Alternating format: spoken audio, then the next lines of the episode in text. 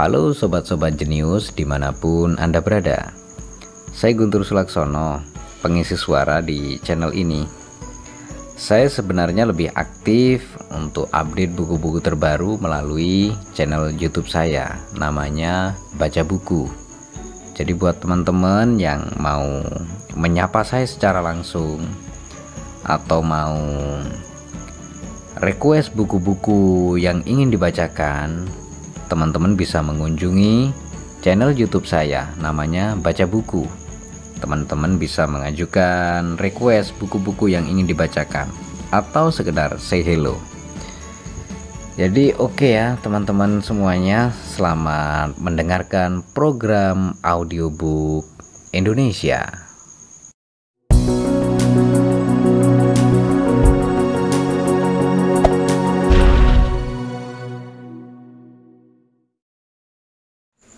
The Psychology of Money Penulis Morgan Housel. Kita memasuki bab 2 Keberuntungan dan resiko. Tak ada yang sebagus atau sejelek kelihatannya. Keberuntungan dan resiko adalah saudara kandung. Keduanya adalah realitas bahwa semua hasil dalam hidup dipengaruhi kekuatan-kekuatan selain usaha pribadi Profesor NU Scott Galloway punya gagasan terkait yang sangat penting untuk diingat ketika menilai keberhasilan keberhasilan Anda sendiri dan pihak lain. Tak ada yang sebagus atau sejelek kelihatannya. Bill Gates bersekolah di salah satu di antara segelintir SMA di dunia yang punya komputer. Cerita mengenai bagaimana Lakeside School di luar Seattle mendapat komputer memang luar biasa.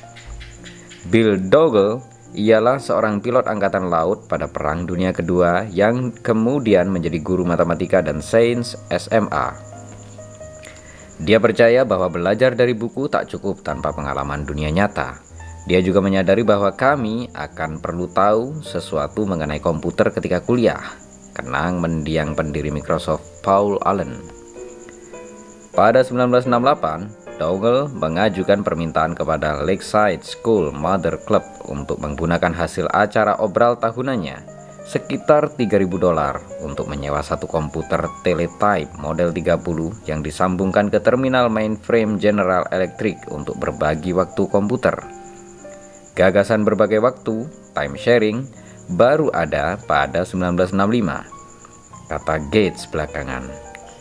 Ada seseorang yang berpandangan maju Sebagian besar sekolah pasca sarjana universitas saja tak punya komputer secanggih yang Bill Gates bisa akses pada waktu dia kelas 8. Dan Gates tak bosan-bosan menggunakannya.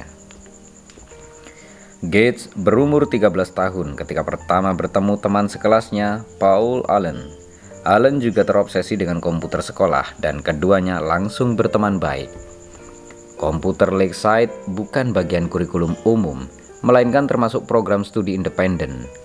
Bill dan Paul dapat mengotak-atiknya dengan santai, membiarkan kreativitas menggila sesudah jam sekolah sampai larut malam pada akhir minggu. Mereka segera menjadi ahli komputer. Ketika sedang memakai komputer sampai larut malam, Ellen ingat Gates menunjukkan majalah Fortune dan berkata, "Bagaimana rasanya ya menjalankan perusahaan Fortune 500?" Ellen bilang dia tak tahu Barangkali kita akan punya perusahaan komputer sendiri nanti, kata Gates. Microsoft sekarang bernilai di atas 1 triliun dolar. Sedikit matematika, cepat saja. Pada 1968, di seluruh dunia kira-kira ada 303 juta orang yang umurnya masuk masa sekolah menengah atas menurut PBB. Sekitar 18 juta di antara mereka hidup di Amerika Serikat Sekitar 270 ribu hidup di negara bagian Washington, sedikit di atas 100 ribu hidup di daerah Seattle, dan hanya sekitar 300 yang bersekolah di Lakeside School, mulai dengan 303 juta, berakhir dengan 300. Satu di antara sejuta siswa SMA bersekolah di sekolah yang punya kombinasi uang dan wawasan untuk membeli komputer Bill Gates kebetulan adalah salah satunya. Gates tak malu mengakuinya. Jika tak ada Lakeside, tak bakal ada Microsoft, katanya kepada para lulusan sekolah itu tahun 2005. Gates sangat cerdas, juga pekerja keras, dan sebagai remaja, dia punya visi tentang komputer yang bahkan sukar dimengerti eksekutif komputer berpengalaman. Dia juga punya keuntungan satu dibanding sejuta karena bersekolah di Lakeside.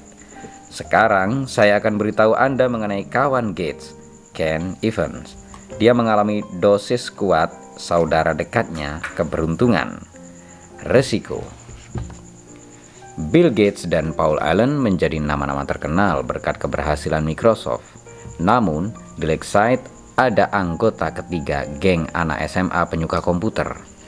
Ken Evans dan Bill Gates menjadi teman baik pada kelas 8. Evans anak terpintar sekelas, menurut Gates. Keduanya sering sekali mengobrol di telepon. Kenang Gates di dokumenter Inside Bill's Brain. Saya masih ingat nomor telepon Ken, katanya. 525-7851. Evan sama ahlinya menggunakan komputer dengan Gates dan Allen. Lakeside pernah kesulitan membuat jadwal kelas secara manual. Kerumitan dalam membuat ratusan anak bisa mengikuti banyak kelas yang dibutuhkan tanpa ada bentrok. Sekolah menugasi Bill dan Ken yang masih anak-anak untuk membuat program komputer guna memecahkan masalah itu programnya bekerja. Tak seperti Paul Allen, Ken punya otak bisnis dan ambisi tanpa batas seperti Bill. Ken selalu bawa tas besar seperti tas pengacara, kenang Gates. Kami dulu selalu merancang apa yang akan kami lakukan 5 atau 6 tahun ke depan. Apa kami akan menjadi CEO? Macam apa dampak yang dapat kami buat? Haruskah kami jadi jenderal? Jadi duta besar? Apa pun itu, Bill dan Ken tahu mereka akan melakukannya bersama-sama. Sesudah mengenang pertemanannya dengan Ken, Gates berenung. Kami bakal terus bekerja sama. Saya yakin kami bakal kuliah bareng. Ken bisa saja menjadi salah seorang pendiri Microsoft bersama Gates dan Allen. Namun itu tak terjadi. Ken meninggal dalam kecelakaan ketika naik gunung sebelum lulus SMA. Tiap tahun ada sekitar tiga lusin kematian orang yang naik gunung di Amerika Serikat. Peluang tewas di gunung ketika masih SMA kira-kira satu banding sejuta. Bill Gates mengalami keberuntungan satu banding sejuta dengan berada di Lakeside. Ken Evans mengalami resiko satu banding sejuta dengan tidak pernah menyelesaikan apa yang dia dan Gates mau lakukan. Kekuatan yang sama, kadar peluang yang sama, bekerja ke arah yang berlawanan. Keberuntungan dan resiko sama-sama merupakan realitas bahwa tiap hasil dalam dalam hidup dipengaruhi kekuatan-kekuatan selain upaya individual. Keduanya sangat mirip sehingga kita tak bisa percaya salah satunya tanpa juga menghormati yang lain. Keduanya terjadi karena dunia terlalu kompleks untuk memperkenankan 100% perbuatan kita menentukan 100% hasil. Keduanya didorong hal yang sama. Anda satu orang anda satu orang dalam permainan yang melibatkan 7 miliar orang lain dan banyak sekali bagian yang bergerak. Dampak tindakan kebetulan di luar kendali Anda bisa lebih besar daripada tindakan yang Anda sengaja lakukan. Namun keduanya amat sukar diukur dan sukar diterima, sehingga sering diabaikan. Bagi tiap Bill Gates, ada satu Ken's event yang sama hebat dan gigih tapi akhirnya mendapat hasil yang berlawanan. Jika Anda menghormati keberuntungan dan resiko selayaknya, Anda menyadari bahwa kalau Anda menilai keberhasilan finansial orang, hasil Anda sendiri atau orang lain, hasilnya tak pernah sebagus atau sejelek kelihatannya. Bertahun-tahun lalu, saya bertanya kepada ahli ekonomi Robert Schiller yang meraih hadiah Nobel Ekonomi, apa yang Anda ingin ketahui mengenai investasi, tapi kita tak bisa ketahui? Peran pastinya keberuntungan di hasil sukses, jawabnya. Saya suka tanggapan itu, karena tidak ada yang benar-benar berpikir keberuntungan tak berperan di keberhasilan finansial. Namun karena sukar mengkuantifikasi keberuntungan dan tidak pantas kalau mengatakan keberhasilan orang disebabkan keberuntungan, sikap yang biasa adalah secara tersirat mengabaikan keberuntungan sebagai faktor keberhasilan. Jika saya berkata, ada satu miliar investor di dunia, berdasarkan kebetulan belaka. Apa Anda bakal memperkirakan 10 di antara mereka menjadi miliarder hanya karena keberuntungan? Anda bakal menjawab, tentu saja. Namun jika saya minta Anda sebut nama-nama para investor itu di depan mereka, Anda mungkin akan tidak berani.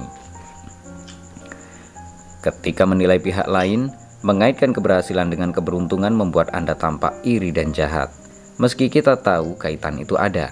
Dan ketika menilai diri sendiri, mengaitkan keberhasilan dengan ke keuntungan juga bisa terlalu mematahkan semangat. Ahli ekonomi Baskar Mazumder telah menunjukkan bahwa pendapatan di antara saudara lebih berkorelasi daripada tinggi atau berat badan. Jika Anda kaya dan jangkung, saudara laki-laki Anda mungkin sama kayanya dibanding sama jangkungnya. Saya pikir sebagian besar kita secara intuitif tahu itu benar. Mutu pendidikan Anda dan kesempatan yang terbuka bagi Anda sangat berkaitan dengan status sosial ekonomi orang tua. Namun, carikan dua bersaudara yang kaya dan saya akan tunjukkan dua orang yang tak berpikir temuan penelitian itu berlaku bagi mereka. Kegagalan yang bisa berupaya segalanya dari keberangku Kegagalan yang bisa berupa segalanya dari kebangkrutan sampai tidak berhasil mencapai cita-cita pribadi juga disalahgunakan. Apakah bisnis yang gagal itu kurang keras berusaha? Apakah investasi buruk tidak dipikirkan dengan baik? Apakah karir yang mandek disebabkan kemalasan? Kadang, iya, tentu saja. Namun, seberapa banyak? Sukar mengetahuinya. Segala yang layak dikejar punya peluang berhasil di bawah 100% dan resiko adalah apa yang terjadi ketika mendapat hasil yang kurang dikehendaki. Sebagaimana dengan keberuntungan, kisahnya jadi terlalu sulit, terlalu berantakan, terlalu kompleks jika kita coba urai seberapa banyakkah suatu hasil disebabkan keputusan sadar atau resiko. Anggap saya membeli saham dan lima tahun kemudian harganya tak naik-naik Mungkin saya membuat keputusan buruk dengan membelinya. Mungkin juga saya membuat keputusan bagus yang peluang untungnya 80% dan saya kebetulan mendapat hasil rugi yang peluangnya 20%. Bagaimana saya tahu yang mana yang terjadi? Apa saya berbuat kesalahan atau saya mengalami kenyataan risiko? Bisa saja mengukur dengan statistik apakah beberapa keputusan itu bijak. Namun di dunia nyata sehari-hari, kita tak melakukan itu. Terlalu sukar. Kita lebih suka cerita sederhana yang gampang tapi sering menyesatkan. Sesudah menghabiskan bertahun-tahun di sekitar investor dan pemimpin bisnis, saya menyadari bahwa kegagalan orang lain biasanya dianggap diseb biasanya dianggap disebabkan keputusan buruk. Sementara kegagalan kita sendiri biasanya dianggap karena risiko buruk. Ketika menilai kegagalan Anda, saya cenderung lebih suka cerita jelas dan sederhana mengenai sebab dan akibat, karena saya tak tahu apa yang berlangsung dalam kepala Anda. Anda mendapat hasil buruk, jadi itu mesti disebabkan keputusan buruk. Adalah cerita yang paling masuk akal bagi saya. Namun ketika menilai diri sendiri, saya bisa membuat cerita liar untuk membenarkan keputusan masa lalu dan mengaitkan hasil buruk dengan resiko. Sampul majalah Forbes tidak mengeluh-elukan investor malang yang membuat keputusan bagus tapi kebetulan mengalami kesialan berupa risiko buruk. Namun, sampul itu jelas mengeluh-elukan investor kaya yang membuat keputusan biasa-biasa saja atau bahkan serampangan tapi kebetulan beruntung. Keduanya melempar koin yang sama, kebetulan hasilnya beda. Bagian yang berbahayanya adalah bahwa kita semua mencoba belajar mengenai apa yang ampuh dan tidak ampuh untuk uang. Strategi investasi apa yang ampuh, apa yang tidak ampuh, strategi bisnis apa yang ampuh, apa yang tidak ampuh, bagaimana caranya jadi kaya, bagaimana supaya tidak miskin.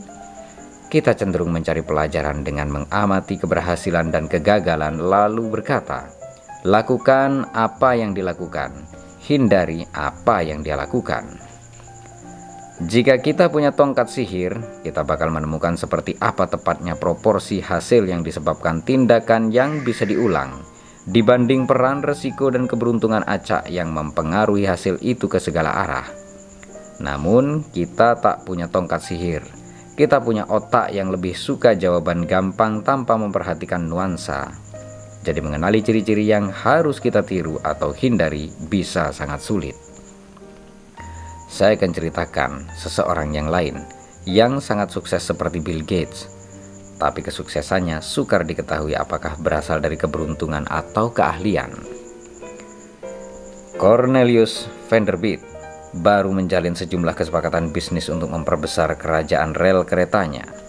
Seorang penasihat bisnisnya memberitahu Vanderbilt bahwa tiap transaksi yang dia setujui itu melanggar hukum.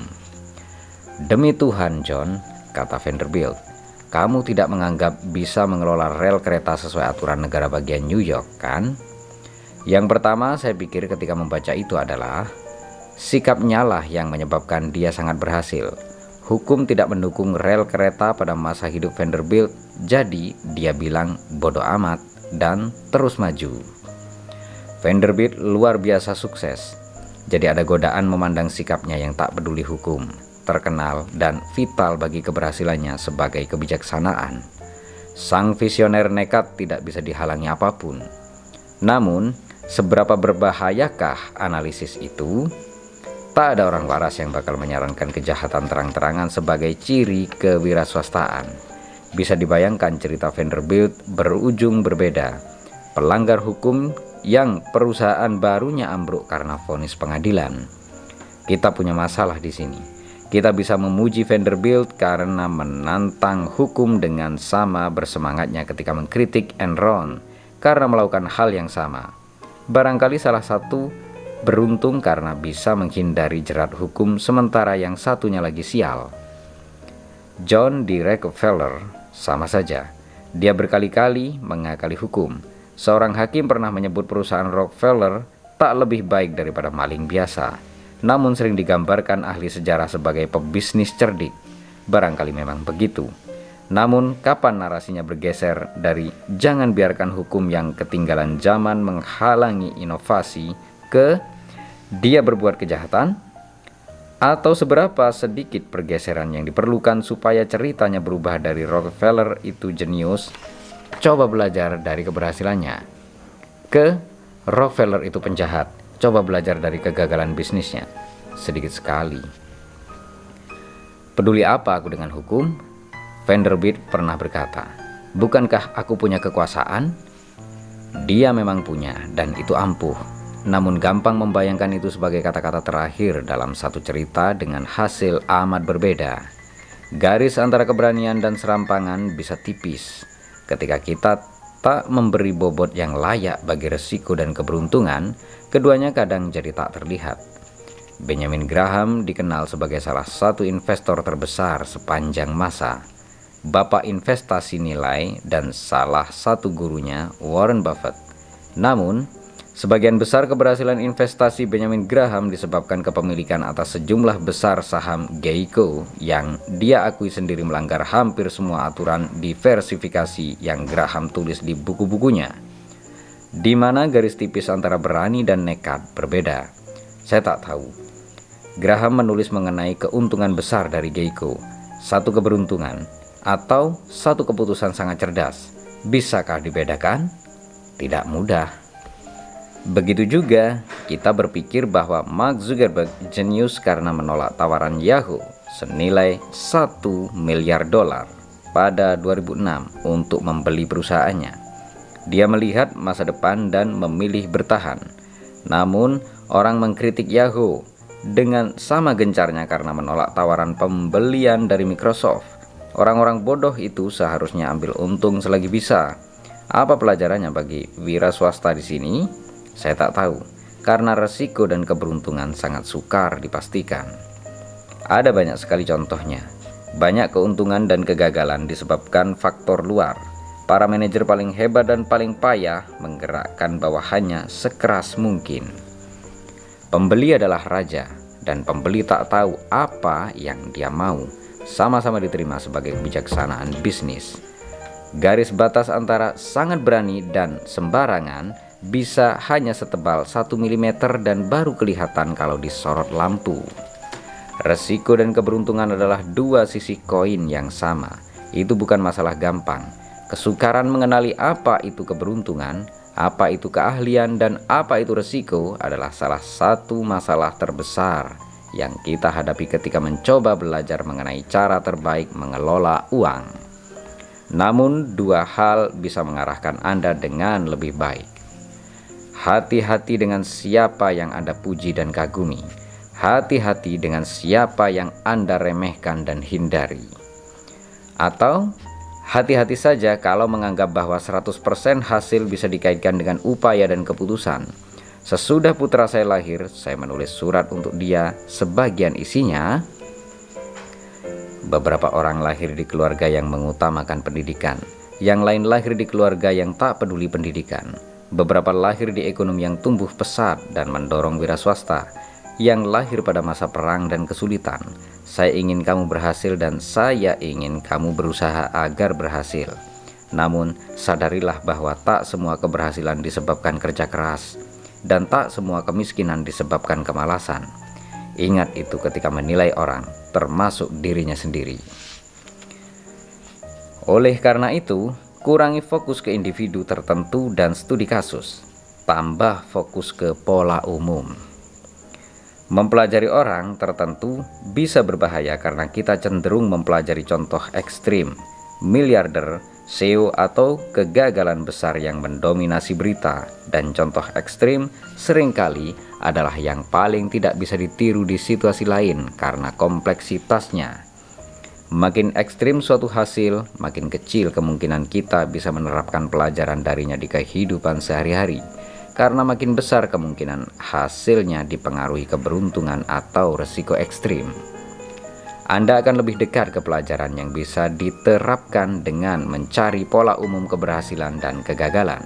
Makin lazim polanya, makin bisa dipakai dalam hidup Anda. Mencoba meniru keberhasilan investasi Warren Buffett itu sukar, karena hasil Buffett sangat ekstrim sehingga peran keberuntungan dalam hidupnya mungkin besar. Dan keberuntungan bukan sesuatu yang bisa ditiru. Namun menyadari bahwa orang yang punya kendali atas waktunya sendiri, seperti akan kita lihat di bab 7, cenderung lebih bahagia dalam hidup adalah pengamatan yang cukup luas dan umum sehingga Anda bisa melakukan sesuatu mengenainya. Ahli sejarah favorit saya, Frederick Lewis Allen, menghabiskan karirnya menggambarkan kehidupan rata-rata orang Amerika.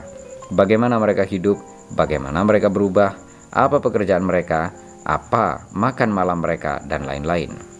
Ada lebih banyak pelajaran relevan yang didapat dari jenis pengamatan luas itu daripada mempelajari hal-hal ekstrim yang cenderung mendominasi berita. Bill Gates pernah berkata, "Keberhasilan adalah guru yang payah, membuat orang pandai berpikir dia tak bisa kalah." Ketika keadaan sedang sangat bagus, sadari bahwa itu tak sebagus yang Anda pikirkan. Anda tidak tak terkalahkan, dan jika Anda mengakui bahwa keberuntungan memberikan keberhasilan kepada Anda, maka Anda harus percaya saudaranya keberuntungan, resiko yang bisa memutarbalikkan cerita Anda dengan sama cepatnya. Namun, itu juga berlaku ke arah sebaliknya. Kegagalan bisa menjadi guru yang payah karena membuat orang pandai berpikir keputusan buruk. Padahal kadang mereka sekedar sial. Trik menghadapi kegagalan adalah menata kehidupan finansial sedemikian rupa sehingga satu investasi buruk di sini, satu kegagalan mencapai tujuan finansial di sana tak membuat Anda habis dan Anda masih bisa terus bermain sampai beruntung.